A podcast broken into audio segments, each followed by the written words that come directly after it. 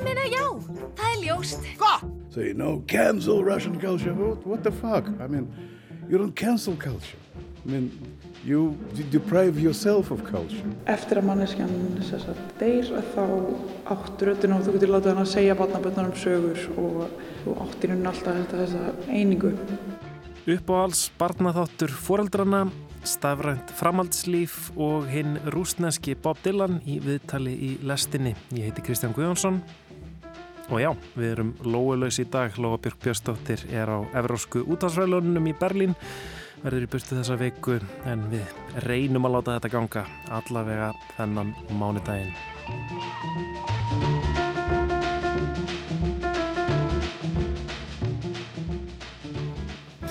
Við ætlum að byrja á pistli í dag. Anna Marcibil Klausen egnaði sitt fyrsta barn í fyrra og hefur verið að uppgöta allt það nýja sjóansefni sem er fráleitt fyrir börn þessa dagana.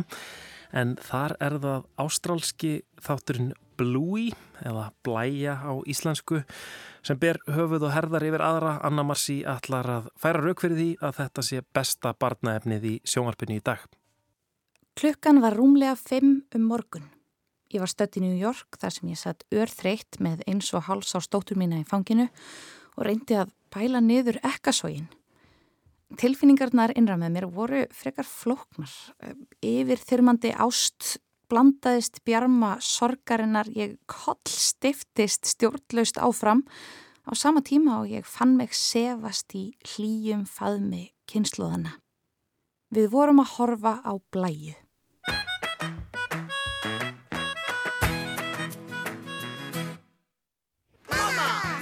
Blæja er sex ára stúlka eða sex ára kvolpur öllu heldur. Hún er á samt fjögur ára sýstur sinni Báru og fórildrum þeirra, Batta og Sillu Hælbein, aðalhetja samnemndra sjónvarstáta sem framleitir eru af ástrálska ríkisjónvarpinu ABC. Blæja! Hún heitir Bluey á frummálinu. Þættirnir hófu göngu sína árið 2018 og þór þeir séu ætlaðir börnum undir 6 ára aldri hafa þeir komið sér upp einhvers konar köld fylgi fullorðins fólks. You binge watch your average Netflix show and you just want to talk to someone about it. We need to talk to someone we about Bluey. Þættirnir eru uppfullir af litlum atriðum sem eru til þess fallin að höfða til bæði eldri áhörvenda og áhörvenda sem elska að elska sjónvarstætti og smá atriðin í þeim. Já, og líka barna. Þannig eru, miða við óformlega leit á vefnum, til allavega fjögur hlaðvörp alfarið til einhverð blæju og enn fleiri sem hafa tekið blæju fyrir með einhverjum hætti. Bluey and Bingo, their personalities are perfectly reflected, I think. So Muffin is like hell-bent Like Fjölmarkar lærðar greinar hafi verið skrifaður um snild þáttana, meðal annars af Tom Lamont fyrir Guardian. Stuttir þættirnir eru settir upp af hófsemi og taka svo af stað á harða hlaupum. Áhöröndum á öllum aldri er treyst til að geta fyllt þræðirum eftir með greinsinni og eðliskvöld. Fyrsti þátturinn, þar sem stoppdans leikur tegir úr sér, ber á borð djúbstæðan sannleik um börn að leik. Þau vita hvað er í þykjustunni. Þau vita að fullori fólk veita líka. Þau vita að fullorna fólkið veita þau vita. En enginn má tala um það. Enginn má koma upp um leindarmálið, viðukenna látalætin, annars hrinur leikurinn. Fyrsti þátturinn var þögult meistaraverk. Flestum teiknumynda þáttum fyrir börn má lýsa sem svo að aðal personar lendi í ævintýrum. Það frábæra við blæju er að personar lenda ekki í ævintýrum. Þær skapa þau sjálf. Blæja, bára og fóreldrar þeirra nota ímyndunaraflið til að leika sér, til að vinna úr dagstaglegum aðstæðum og til að aðlaga heim fóreldrana að heimi barnana. Ah, farþegar eiga bara að ringja bjöllin ef þeir ætla að fara út. Er það skilið? Segðunum að þú elskir hann. Nei! Hvað meinar með nei? Ég meina já, það er ljóst. Gott, dyrnar lokast. Og af hverju er fullorði fólk svona hrifið af blæju? Er það af því að við sjáum okkar yngri sjálf í blæju og sýsturinnar? Eða kannski börnin okkar? Er það af því að við samsumum okkur við foreldrana, batta og sillu? Eigum við margt samíginlegt með þeim eða eru þau allt sem okkur dreymir um að vera en eigum eiginlega engan sjans í. Ég er af þúsaldar kynnslóðinni. Það hata okkur allir. Eða þannig líður okkur stundum eins og við séum ómöguleg. Til dæmis, í kringum aldamót, þegar við vorum kölluð klám kynnslóðin á grunnskóla aldrei einhvern veginn eins og allir fjórir strippstæðinar á Akureyri væru okkur að kenna. Eða þegar foreldrar okkar vildu bara losna við okkur að heiman en okkur fannst avokado bara svo gott að við áttum engan pening. Og núna erum við, samkvæmt ónafgreindum kennara sem Þorgrymur Þráinsson talaði við einu sinni, foreldrar sem nenn ekki lengur að vera foreldrar. Af hverju sökkum við svona mikið?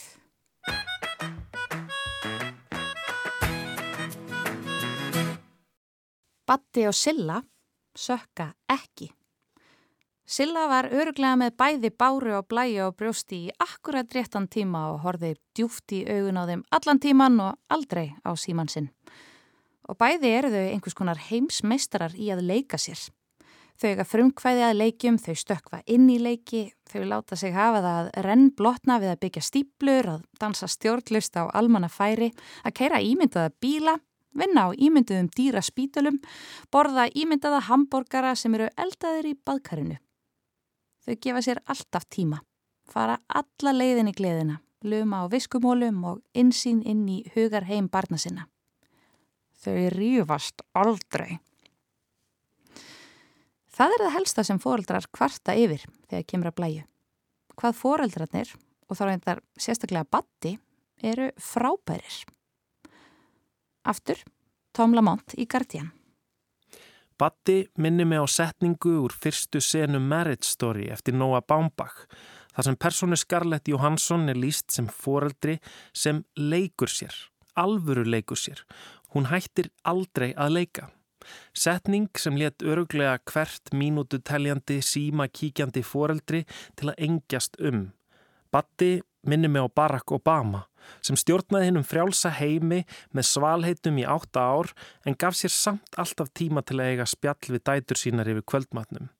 Batti veður beint í æðsta stig foreldrunar, efstu deildar leikmaður, gullmedaljuhafi, fullkominn og óviðjafnanlegur og með öllu sálar kálandi. Ég vildi að ég hefði sömu orku og Batti. Ég vildi að ég væri jafn þólinnmóð og sniðu og silla. Ég vildi að ég hefði jafn mikinn tíma á þau því einhvern veginn virðast þessir efri millistéttar teiknimyndahundar aldrei þurfa að vinna sem er náttúrulega bæði ósangjart og grunnsamlegt. Þau veita mér innblástur, minna mig á að setjast á gólfið og fýplast. En stundum er ég bara aðeins og þreytt. Stundum er við maðurum minn of þreytt á sama tíma. Og það verður voðalega gott að geta kveikt á sjónvarpinu fyrir batnið. Og verið aðeins betra foreldri eftir að skjáttímanum sleppir. Sérstaklega er gott að geta kveikt á efni sem er ekki hannað eins og Coco Melon heroínið sem þau verða svo auðveldlega háð. Ef við setjum allt skjáefni í eitt graut verður óbræð af honum. En inn á milli eru frábær ráefni sem má elda úr góða og uppbyggilega aftreyingu. Blæja getur verið þar á meðal. Kanski er ég samt bara eina af þessum skrítnu fullorðu manneskjum sem ólstaldri upp úr því að horfa á teiknumindir. Ég er allavega ekki svo eina sem kann að meta blæju.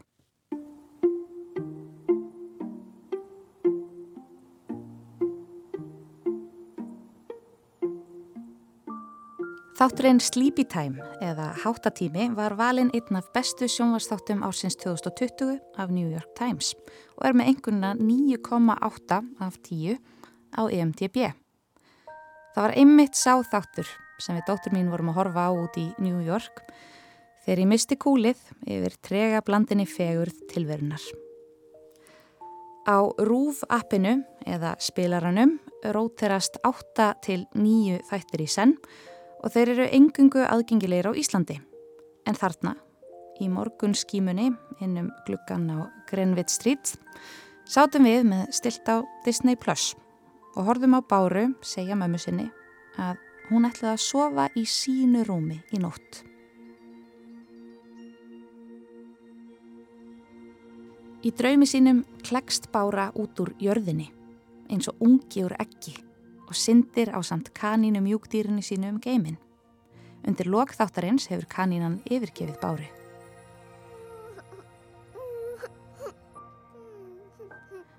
Bára veifar henni grátandi í hverjuskinni en skyndilega tekur einhver ofur kraftur utanum hana og þrýstir henni á hraða ljósins í átt að einhverju stóru og hlýju.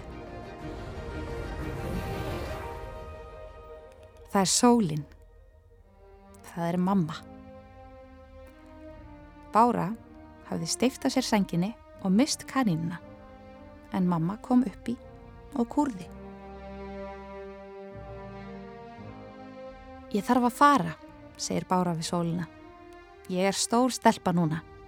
I have to go. I'm a big girl now.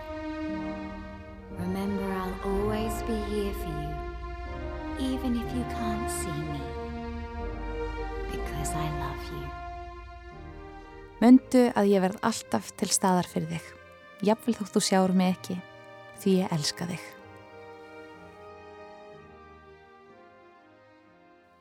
Silla kissir Bára á ennið, setur kanínuna aftur í fangið á henni og Bára sefur vært.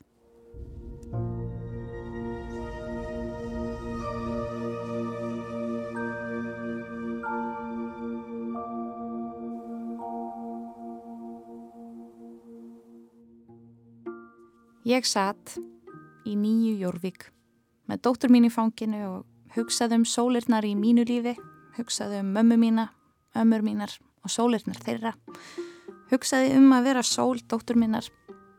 Hugsaði hugsanir sem ég kem ekki orðin. Þau væru öruglega ímist of væmin eða mögulega of drungaleg til að heyrast ofinberlega. Ég hugsaði um hvernig dóttir mín mun einn daginn geta hort á þennan þátt aftur og séð hvernig listamennirnir sem framleitu hann fenguðu hverstakslegt kvöld kjarnafjölskyldu en líka lífið og dauðan á sjö og halveri mínútu með bláum og appelsínugulum teiknimyndahundum. Og ef það er ekki nóg til að græta mæður, þá sína síðustu ramarnir, blæju og batta kúra saman í rúminunar blæju og sillu breyða úr sér. Ein og sæl í eigin rúmi.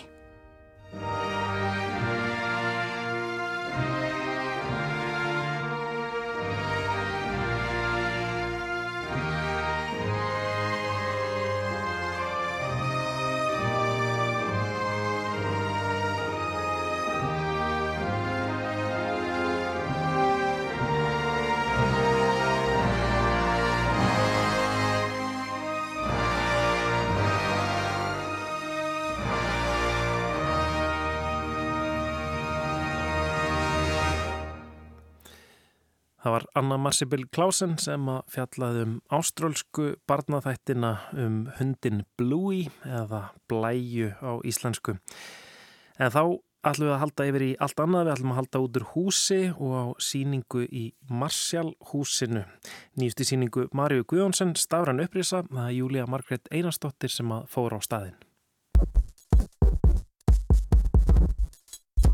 Já, ég er stöttina fyrir utan Marsjál húsið, Grandagarði 20. Hér er galleri Þula og hér er Marja Guðjónsson sem ætlar að taka móti mér og sína mér sína nýjustu síningu sem að opnaði emitt núna um helgina.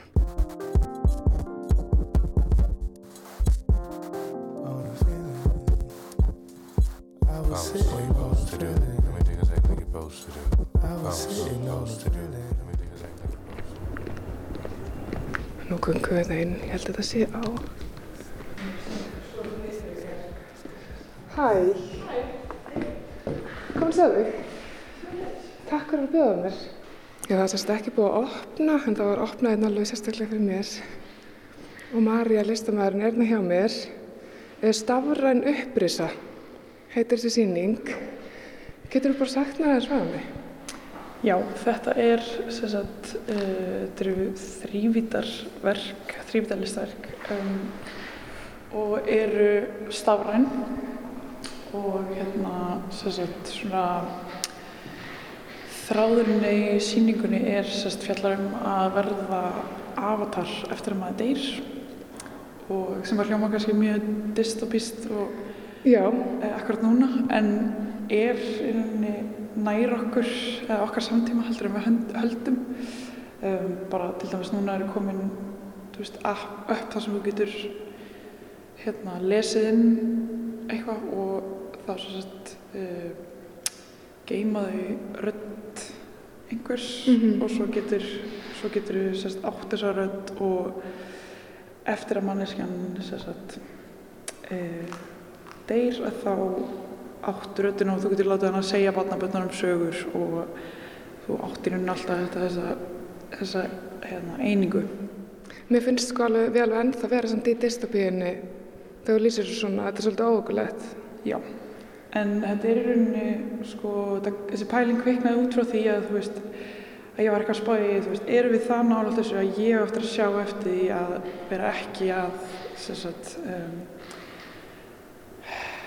er þetta að finna orðin á íslensku, að preserva, sagt, mína nánustu, um, af því að þetta er í rauninni svolítið svona vestræn pæling að vera svona hrætt við dauðan og ef einhver deyr þá áttir rauninni bara að syrkja og, og hann og þú veist þú ætti bara að komast yfir það og halda áfram með lífið þitt. En svo í öðrum hérna, menningarheimum þá þú veist er eins og í latínó samfélögum þá er það með Day of the Dead og það snýst um að veist halda í ástvinna og eiga það á einhverju minningu.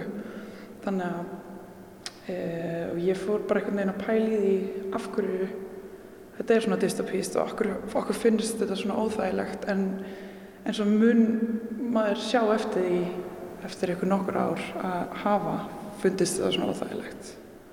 Já, aldrei það.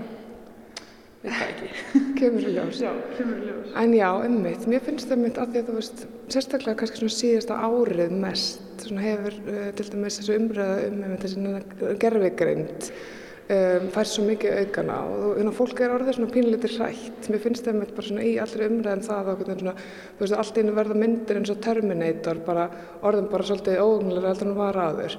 Ert þú búin að vera lengi svona á þessum slóðum sem þú varst á í þínum pælingum?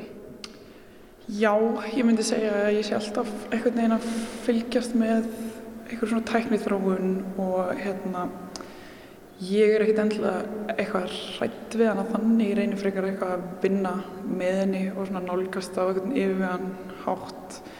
Um, eins og gerfi greint fyrir mér, ég nota hana í verkunum mínum um, og er í rauninni bara tól og ég sé þetta sem einhvern svona bara eitthvað samvinnu á milli míns og tölvunar og svona svo lengi sem að gerfigreindin er ekki loka prótestið þá finnst mér ótrúlega fallegt að geta einhvern veginn unni með tölvunni Mhm. eitthvað saman.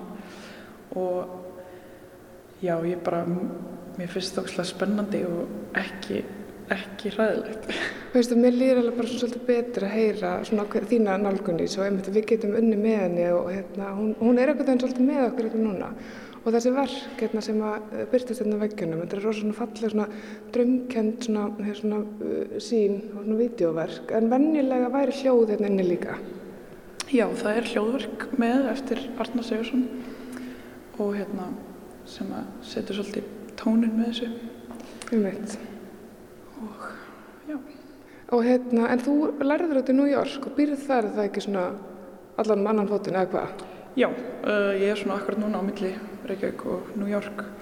Uh, er búin að vera þar í tvö ár uh, og læriði þar, tók master í tölvu myndlist og það er einmitt mjög ákvæmvert að fylgjast með sko þróuninni á rafrænum listaverkum og er eiginlega meirinn að minna öll galleri úti, úti hérna, orðin rafræna einhverju leiti og rosa mikið rosa mikið að skjám að bætast inn í lífi okkar bara allstaðar Mhm. og það meikar náttúrulega alveg sens að myndlistin verði rafræn líka bara alveg svo allt annað Já, þegar ég horfi í kringum mig núna þá get ég alveg séð það. En hérna bara New York, bara sem borg, varst að koma og þú kemur okkur fyrir tveimur árum, svona hvernig blasti hún við þér, hvernig líður að vera þar?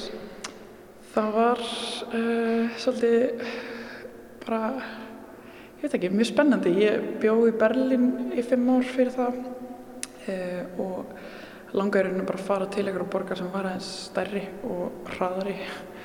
Og New York var það svo sannlega um, og ég er svolítið svona mikið svona kaosmanniski og ég fíla að vera alveg í bara geðið miklu orku og bara, já, kaos og þvælingi. Þannig að uh, mér fannst það alltaf mjög spennandi að vera þarna en líka mjög mikið hark. Uh, og þetta er svona mjög mikið vinnuborg, það er rosalega vinnumenning. Mm -hmm. og maður er bara vinnandi allan daginn einhvern veginn og á, hlaupandi með eitthvað kaffi á milli húsa. Já, einmitt, svo kvildartími og svona eins og mikið var að tala um hér er kannski ekki alveg svona í háfaðum haft þarna í svona borgraðans bara alls ekki sko. þú getur sendt e-mail klukkan þrjú um nótt á aðfara nótt mánudags og þú fær samt svar. Bara laga þetta. Einmitt, já, það hljómar alveg svolítið mikið. En, en þú sér alveg fyrir að verða það eitthvað áfram? Já, mér finnst mjög gaman að vera þarna. Mjög svona mörg tækifæri, mikið spennandi og já. Ég verði náttúrulega að spyrja út í það sem kemur fram í tilkynninguna. Þú ert búin að þegar búin að vera ykkur samstarfi með um, rísastórum um, fyrirtækjum eins og Adidas, Dolce & Gabbana, uh, Puma, alls konar. Hérna, hva, getur þú líst því? Hva, hvað ert að gera? Uh, sest, já, ég vinn líka við að vera bara þrýfðar hönnur uh, þannig að svona 50% af vinnum minni er sagt, svona í myndlist og svo 50% er bara þá er ég hérna bara verktaki og vinn sjálfstætt og hérna uh, hef bara já, verið að vinna sjálfstætt síðustu sex ár og er bara einhvern veginn uh, ég fæ eiginlega bara mesta verkefnunum mínum í gegnum Instagram mm. og er bara duðlega að posta og einhvern veginn duðlega að mæta á samkomur og ráðstöfnur kynast fólki og hérna svo einhvern veginn um leið og farið eitt svona stórst verkefni að byrja bara eitthvað boltin að rúla og hvað koma fleiri. Einmitt og það verður sem hafa alveg verið að rúla en þannig að æðislegt að þú hafi getið komið hingað hérna, við og alltaf og sínt okkur aðeins hvað þú ert að gera og þessi síning er opinn eitthvað áfram eða ekki? Jú, opinn til 19. november. Verður þú okkar hér á landinu eða hérna, ertu, ertu að fara bara strax áttur? E, ég er hérna á landinu, ég er að vísa að hoppa á til New York í nokkra dag, ég er að fara að tala á ástöfnu en hérna ég verð hér. Ok, að það væri mögulega hægt jafnvel að ná í skottaður bara hérna á síningunni einhvern tíma. Já. Herðu æðislegt, Marja Guðansson, takk æðislega fyrir að taka á mótið mér og til að hafa með síninguna. Takk.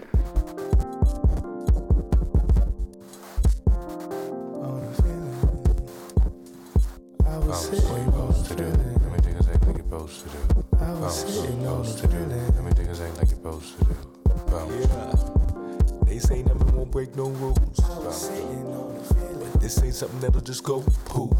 Oh, my pal at the rendezvous. Put some vibes on the ones and twos. Breathe slow, take a sec, better get control. I ain't tripping, really know, but act like you been before. I was sitting on a feeling. Nigga steady politicking. Be my pride at the rendezvous. Yeah. All you supposed to do? Let me take a sec like you're supposed to do. Feel it in my abdominal. All this shit feel like deja vu. Better take cover like hootie hoo. Gotta shake something like hula. Ooh, shake it off, be responsible. Gotta sit with it so it's possible. I know it feels like an obstacle, and not everything's quite audible. Yeah, if you just sit with them thoughts of yours, just soak it all in, man, it's possible. Tónlistin eða í lokin lægið Deja Vu með breska pródusentinum Lauren James og gestur í þessu lægi er tónlistamæðurinn Ritchie. Það var Júlia Margreit Einarstóttir sem að rætti við Marju Guðjónsson listakonu sem að sínir núna um, í þölu í Marsalhúsinu Stafræn upprisa. En um, þá ætlum við að snú okkur að öðru, við ætlum að halda til Rúslands Einhverjir hlustendur lestarinnar gætu vitað af, um, hvað ég var að segja, óhóflegum áhuga mínum á sovjaskri rocktónlist. Ég ákvaði að nýta tækifærið um leið og Lóabjörg fór að uh, vinna langt innslag um rústenska rocktónlist. Núna í september þegar ég var staðsöndur í München þá sá ég að um, Já, átrúnaða góð mitt, rúsneski rockarinn Boris Grebensikov væri að spila á tónleikum í borginni.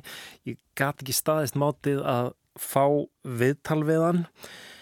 Ég var endar svona á báðum móttum bara hvort það væri yfir höfuð já, í lægi einhvern veginn að taka viðtöl við rúsneska tónlistamenn á þessum tímapunkti bara um tónlist ég meina, hann gæti verið stuðningsmaður stríðsins, hann gæti verið pútinisti um, en ég googlaði það og sá að hann hefur talað gegn stríðinu í Úkrænu og hann er meiri segja í útlegð og uh, komin á lista uh, Kremlin yfir erlenda útsendara. Þannig að ég hugsaði þetta er viðtal sem að er aðtilsvært að, að taka, mér langar að heyra hvað hann hefur um stríðið að segja um það hvernig það er að vera í útlegð um já, stöður úsnarskar menningar í dag. Við hittumst baksviðs á tónleikastað í Þýskalandi og hann byrjaði að segja mér frá síðasta skiptinu sem hann var í Rúslandi. Last time I was in Russia was 23rd of February last year and uh, we played a concert and throughout three hours of a concert I was feeling very strange thing. I was feeling that I'm playing you know, something like Hamburg in 1939 or something like this. The feeling was weird. Was like what the hell's going on? But then and then they started the war in six hours. So I'm not going back. Þetta er tónlistamæðurinn Boris Grebensikov Hann er að segja mig frá síðustu heimsókn sinni til gamla upprunalandsins Rúslands. Kvöldi áðurinn stríðið braust út í februar 2022 spilaðan þryggjatíma tónleika í heimaborg sinni Pétursborg og hafði allan tíman sterka ónóta tilfinningu. Svolítið eins og hann verið að spila í Þýskalandi nazismans rétt áður en setni heimstyrjöldin braust út. Og já, hann hafði rétt fyrir sér sex tímum setna reðast rúsneski herinin í Úkrænu og allt breytist.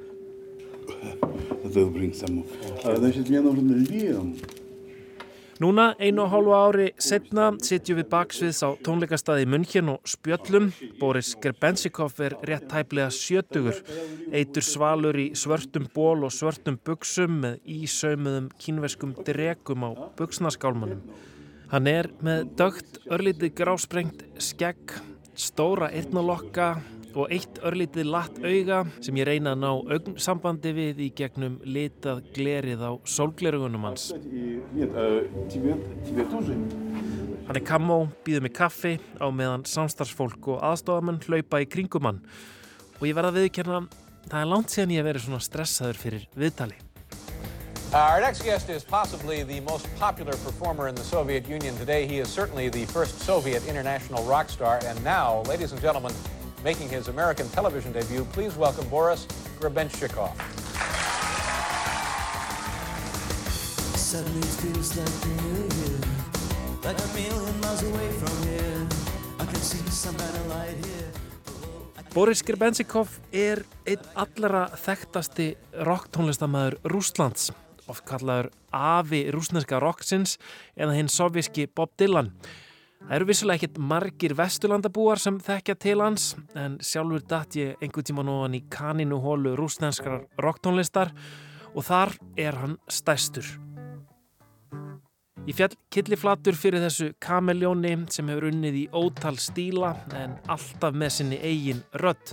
Lagasmíðarnar eru frábærar og þó ég þurfa að notast við Google Translate til að skilja textana þá eru þeir einhvern veginn barma fullir af rúsneskri ljóðrænu, melankóliu, áreinslulausri visku.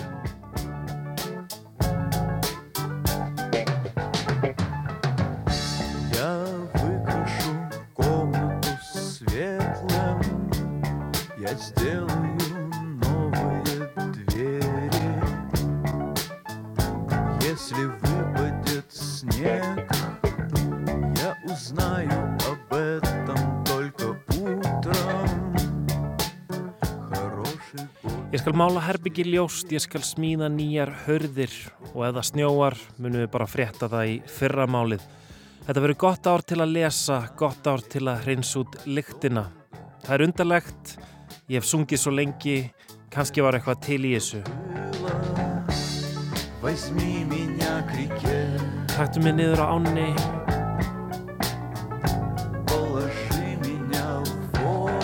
Legðum mig í vatni heldur mér þá list að vera auðmjúkur.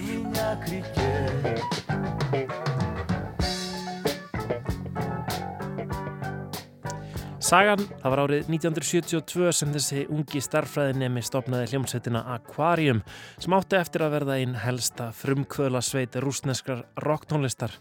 Þetta var í Pétursborg sem þá hétt Leningrad í Sovjetríkjónum á tíma þegar vestræn tónlist var litin hortnauga og tónlistamenn þurfti að vera samþyktir af ríkinu eða vildu spila ofnberlega eða gefa út. Og hann segir mér þarna baksviðs fyrir tónleikana í München að hann hafi ekkert haft neitt sérstakann metnað til að lifa af tónlistinni. Hann fann bara fyrir kníjandi þörf. Well, to tell you the truth, I had absolutely no ambitions, none, zero. Just, uh. Hann varð að spila tónlist en til að geta samið rocktónlist á rúsnesku til að finna sína eigin rödd þurfti Boris Grebenshikov að skapa sitt eigið listræna tungumál. Hann kom úr hefð rúsneskra kassagítar söngskálda, svo kallara Bard söngvara, en hann var ekki síður innblásinn af austrætni Dulsbeki og vestrænum rocktónlistamönnum eins og Beatlonum, Velvet Underground, Bob Dylan og David Bowie. Я инженер на сотни рублей И больше я не получу Мне 25 и я до сих пор Не знаю, чего хочу И мне кажется, нет никаких оснований Гордиться своей судьбой Но если б я мог выбирать себя Я снова бы стал собой And uh, the point was that I understood that you cannot sing in any other language. You have to sing in language that people understand, that they are related to. And uh, and I went around asking all my friends, so how do you think this song Fáir höfðu trúið því að það var hægt að semja rocktónlist á rúsnensku. Þetta væru tveir algjörlega ósamrýmanleir hlutir. En Boris áleitað eina leiðin til að tala til fólks væri að syngja á máli sem það skildi. Og hann tók þessu hreinlega sem áskorun og byrjaði að reyna að semja rocktónlist á móðurtungunni.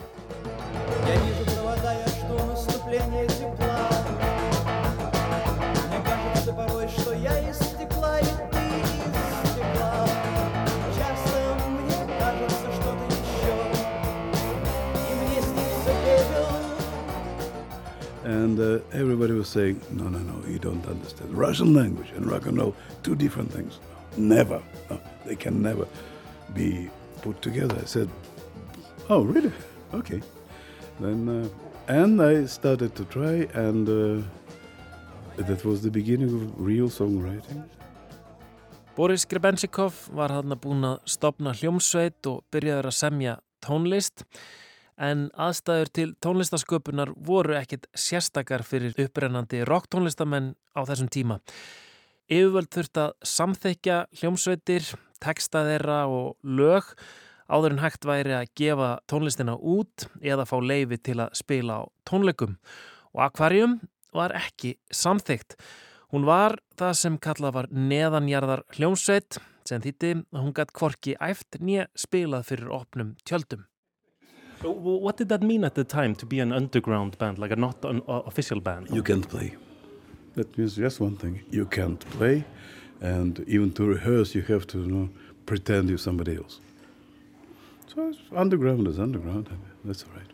Af aðruleysi rifjar Boris Grebenshikov upp hvernig hljómsveitin Aquarium þurfti að þykast vera að gera eitthvað annað þegar ferjuðu hljóðfærin milli húsa en það máttu þeir ekki spila. En þráttur að meiga það ekki, þá spiluðu Aquarium og aðrar neðanjarar hljómsveitir auðvitað reglulega aðalega með órafmögnuð hljóðfæri á stofutónleikum í heimahúsum. Tónlistin var svo tekin upp live með fornfálegum upptökubúnaði og Aquarium voru að vissuleiti frum kvöðlar í útgáfu neðanjara rocks í Sovjetríkjónum. Well, we were the first to who tried to release our own albums, you know, with a certain order of songs, with covers, this and that, like like a real thing, and it was a real thing actually. So and uh, hundreds of thousands of people were, you know, re-recording it, uh, copying it, copying, cop- endlessly till you could hear nothing but still they they were doing this, and so we became quite popular just because of that. Well, maybe the songs were good.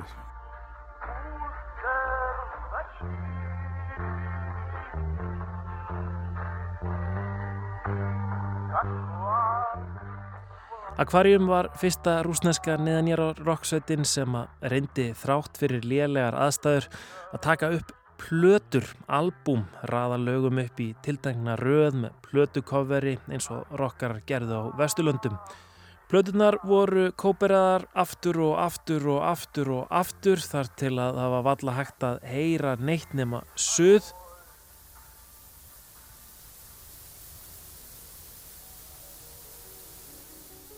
En þannig gengu þær manna á milli, gengu kaupum og sölum á svarta markaðnum. Og þannig urðu lög og textar unga skáldsins Boris Gerbensikov úr hljómsettinni Aquarium þekktir meðal ungmenna viðsvegar í Sovjetríkjónum. Reyndar án þess að hann fengi rúblu fyrir. So it was amazingly beautiful and the most beautiful thing for, for next, I would say next maybe 15 years. That's what differs sort of what was happening in Russia from most of the places. Nobody thought about money at all. Boris lýsir því að þrátt fyrir takmarkanirnar hafi neðanjarðar rocktónlistasennan í Leningrad og viðar í Sovjetríkjunum haft sinn sjarma. Andrúsloftið var allt annars eðlis en annar staðar í heiminum. Enda var engin peningur í spilinu. Boris var sjálfur mentaður starfræðingur en flestir listamennir fundu sér auðveld störf, notuðu allan sinn frítíma og alla sína orku í listina og byggust aldrei við því að fá það tilbaka í peningum. No money changed hands and that was the beauty of it. Well, the quality was not that good, but uh, the intentions were clear.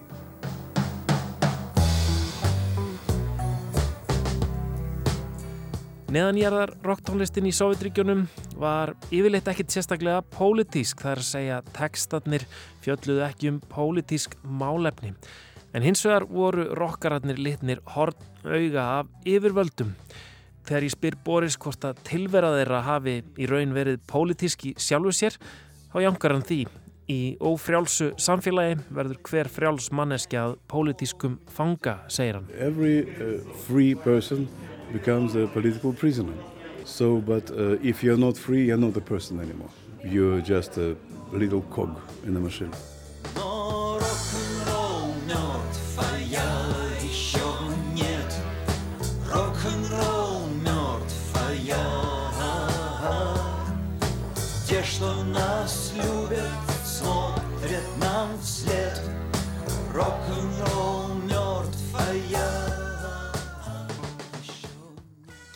Á nýjunda áratögnum var til gróskumikil sena í Leningrad þar sem hljómsveitir eins og Alisa, DDT og Kino þróðu sína sérstöku útgáfu af nýbylgu rocki, tónlist sem að átti svo eftir að verða hljóðmyndin að því þegar Sovjetrikinn opnuðust, frelsið jógst og að lokum liðuðust í sundur.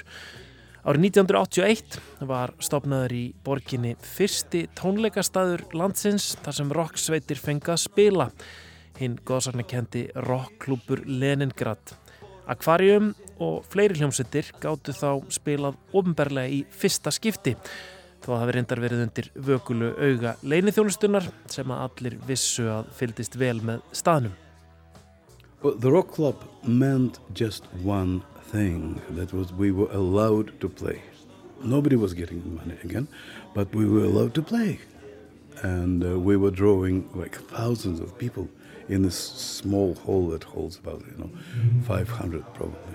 They were like huge queues. The whole streets were just blocked totally. People trying, coming from all over Russia trying to get in. And uh, and that was even though Rock Club was every, as everybody is saying it was started by KGB you know to, to have everybody under control in one place. But it served against KGB because people started to feel their own dignity. Like we are not some trash. I mean we are what we are. Let us do what we, what we want to do я не знаю, как идет сигнал Я не знаю принципа связи Я не знаю, кто клал кабель Едва ли. Я когда-нибудь услышу тебя, тебя, тебя. 212 85 06 212 85 06 212 85 06 Это твой номер, номер, номер, номер, номер, номер, номер, Þúsundir manna komið til að líða á hljómsveitirnar í aðeins nokkur hundru manna sal og oftar en ekki náði röðin langt út á götu. Þetta skipti miklu máli og jafnvel þó það hafi kannski verið planið hjá KGB að hafa betri stjórn á óstýrlátum rockurunum þá segir Boris þetta hafa grafið undan valdiðra. Fólk fekk þarna meiri sjálfsverðingu, leifið okkur bara að vera það sem við erum, gera það sem við viljum, hugsaði fólk. Að alast upp í svo lokuðu og kúuðu samfélagi eins og Sovjetríkjónum hefur augljóslega áhrif á heimsmynd fólks. Í viðtölum hefur Boris Grebensikov til að mynda tala um það hvernig hann hefur aldrei samsama sig við yfirvöld sín eða ríkið sem hann býr í. Hans upplifun af ríkinu er að megin tilgangur þess sé að banna, þrýsta á fólk og kúa, skerða frelsiðess. Þetta sé vissulega skára í sumum löndum en öðrum en enga síður álítan þetta grundvallar lögmál. Og menning, raunveruleg menning, er svo alltaf í andstöðu við þetta. Hún er tjáning á einhverju frelsi. Fyrir honum hefur rúsnesk menning því ekkert með einn stjórnvöld að gera, hvort sem það eru kommunistar eða putinistar, hvort sem að ríkið heiti Sovjet eða rúsneska sambandslýðveldið. Alvöru listamenn munu aldrei verða hugmyndafræðilegir þjónar yfirvalda, En á sama tíma, og ég spyr hann um þetta, þá berið þeim engin sérstök skilda til að mótmæla þessum yfirvöldum eða atöfnum þeirra. Það sé ekki þeirra mikilvægasta hlutverk. Have you felt throughout the years and do, do you feel now that artists, poets should um, speak out against this kind of oppression that you've lived through, against the war that's happening now? Do you feel that's something that uh, artists are obliged to do or, or should do? You know, it's a little bit like a situation with young girls. Should young girl fall in love or should she follow the dictates of a ministry and go and copulate with this party member or this party member? Two different things. You know, you cannot ask your heart or you cannot order your heart to do this or to do that. So whatever, if you're a poet, you write what comes to you, comes to your heart, and uh, however your good your intentions are, but uh, you cannot dictate the heart. Já, Boris svarar spurningur minni svo, þetta er svolítið eins og málið með ungu konuna á hún að fylgja hjarta sínu í ástarmálum eða gera það sem ráðuneytið segir henn að gera. Þú bara getur ekki skipað hjartanu fyrir og skáldinn, þau skrifa bara það sem kemur til þeirra. Þessu getur engin utan að komandi máttur stýrt hvort sem tilgangurinn er góður eða slæmur. Boris Grebensikov hefur raunar oftar en einu sinni líst í yfir að hann telja það blekkingu ef listamenn haldi að þeir hafa einhver pólitísk áhrif.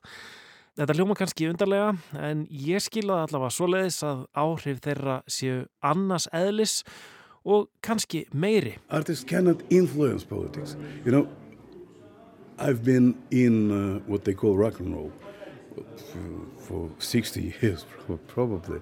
And you know, every time I read, even the people whom I love, like, I know, David, I mean, Bowie, or the Beatles, I mean, anybody, uh, as soon as they veer into politics, I mean, oh no, stop this idiot, please. You know, ask Keith Richards. Like, he would never go there because what he's doing is so much more than a politics. En þó að Boris Grebensikov ránkvolvi kannski í sér augunum þegar hann sér listamenn ætla sér eitthvað á hinnu pólitíska sviði, þá hefur hann undanfartna 20 mánuði eða svo talað skýrt og opið gegn stríðinu í Úkrænu. Hann á vini og aðdæfundur þar í landi og hefur spilað oft í Úkrænu gegnum tíðina. Og hann hefur sagt árásir á almenna borgarðar vera fasískar og sagt þá sem að tóku ákvörnum að hefja stríðið vera til skammar fyrir alla rússa. Тот, кто во сне за шторами вечный покой, шелест дождя.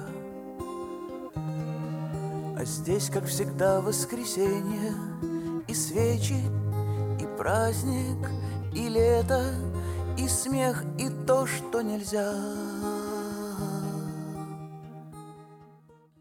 Auðvitað hefur þetta vakið aðtegli og vakið aðtegli þeirra sem eru við völd í Rúslandi.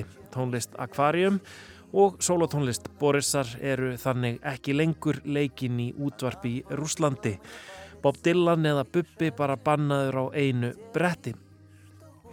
Það sem meira er, fyrir á þessu ári settu yfirvöldan á allræmdan lista yfir útsendara erlendara ríkja og segja að tónleikar sem hann hefur leikið á fyrir Úkrænumenn hafi fjármagnað hernað Úkrænu. En þegar ég spyr hann um þetta, ger hann lítið úr því, segir þetta ekki ángrann, þetta séu vitlesingar sem að halda þeir hafa eitthvað raunverulegt valdi við fólki, en það hafið þeir ekki. Um, earlier this year you were even put on a, on a list of foreign agents. Yes, but yes, yes, yes, uh, that, what does that mean? Nothing. It's just some cretins think that they have a power to rule people. No, they don't. This does not, matter to you. Margir rússar sem að andmæla stríðinu hafa líst í hvernig þeir eru eins og milli steins og sleggju. Ég spyr hann út í viðhorf heimsins til rússa og rússlands núna á stríðstímum. Finnur hann fyrir því að það sé breytt afstæða til rúsneskunnar, til rúsneskrar menningar. Vil einhverju sem vilji slaufa rúsneskri menningu á meðan Pútín haldi stríðinu gangandi. I mean, there's always, of course, crazy people, maybe Ukrainians or Polish people or whatever, who say, no, cancel Russian culture. What, what the fuck? I mean, you don't cancel culture. I mean, you deprive yourself of culture. Culture is uh, culture is a healing force that enables us to communicate with each other uh, and do it with dignity and love and everything else. So if you cancel culture, you cancel life. Stupid. Það er heimskulegt, það er alltaf einhverju brjálæðingar sem að gera ekki greinamun og stjórnöldum og menningu og vilji slaufa allri rúsneski menningu. En menning sé leiðin okkar til að eiga í samskiptum, til að græða sár, hún snúist um ást og virðingarfullt samtal. Og sá sem slaufi ákveðni menningu, hann sé í raun bara svifta sjálfan sig þessari menningu. Það sé ekki hægt að slaufa menningu, þá slaufir þú hreinlega lífinu. Десять стрел на десяти ветрах, Лук сплетенный из ветвей и трав, Он придет издалека. Меч дождя в его руках. Síðan hann leka á tónleikonum í Pétursborg í februar í fyrra hefur Boris Grebensikov ekki farið aftur til Rúslands. Hann er búsettur í London, fluttið ánga 2019 en segist aðspurður ekki vera í útlegð. Bæði hafa hann sjálfur valið að fara, það er fyrir stríðið. Af hverju? Jú, stúdíóin eru svo góð í London og svo segist hann aldrei geta yfirgefið Rúsland. Rúsland sé fyrst og fremst til staðar í menningunni tungumálinu sem hann lifir og hrærist í á hverjum einasta degi. Do you think you will ever go back to Russia? I have no idea, I'm not interested. Because I'm interested in what's happening now. What's going to happen like in five years, I don't know. Það hvort hann snúi aftur til hins landfræðilega Rúslands, það veit hann ekki og segist ekki einu sinni velta því fyrir sér. Hann hafi bara áhuga á núinu, ekki því sem geti gerst eftir fimm ár. Og hvað er hann að gera nákvæmlega núna? Jú, núna er hann á tónleikaferðarlægi um Evrópu, örlítið síðbúið 50 ára afmæli hljómsveitarinnar Aquarium og hann er einnig að vinna að útgáfu góðgerðaplötu en ágóðin af henni á að renna til stæsta badnarspítalans í Úgrænu. Heal the Sky nefnist platan. Mér finnst þetta á vissan hátt, rýma við eitthvað sem hann segir ítrekkaði í gegnum samtalokkar í munn hérna í Þýskalandi að þó hann trúiði kannski ekki að listamenn geti haft áhrif á pólitíska ráðamenn, geti ekki haft áhrif á stjórnmál, þá þýði það alls ekki að listin sé valdalaus. Mátturinnar er meiri, hún hefur máttinn til að græða sár og það er eitthvað sem verður sannarlega þörf á á næstu árum, ára tögum, já kannski ár hundruðum í Rúslandi og Úkrænu. The only value of art is the healing value. And the healing value means that art should be free. Otherwise, the, it will be no medicine but poison. That's what's happening. Сидя на красивом холме, я часто вижу сны, и вот что кажется мне, что дело не в деньгах и не в количестве женщин, и не в старом фольклоре, и не в новой волне, но мы идем вслепую в странных местах. И все, что есть у нас, это радость и страх. Страх, что мы хуже, чем можем, и радость того, что все в надежных руках, и в каждом сне я никак не могу отказаться и куда-то бегу, но когда я проснусь, я надеюсь, ты будешь со мной.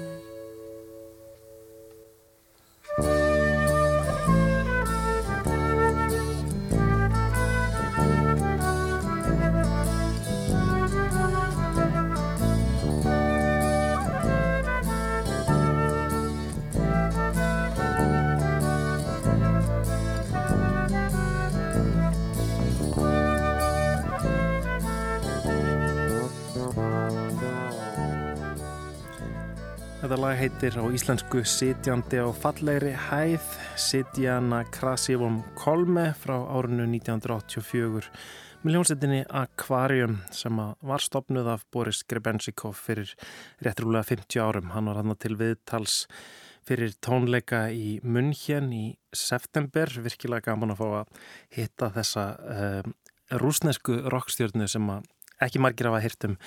Um, mér langar að benda á að Ég hef unnið já, nokkur einslög í lestina um, eh, um sovjerska og rúsneska rocktónlist og það er hægt að finna allavega tvö þeirra á, á vefnum okkar rúf.is leitiður bara af sovjersk rocktónlist og, og rúf.is og þá ætti þetta að koma upp ef fólk vil fá meiri bakgrunn um uh, Boris Grebensikov eða aðrar uh, rúsneska rockhetjur.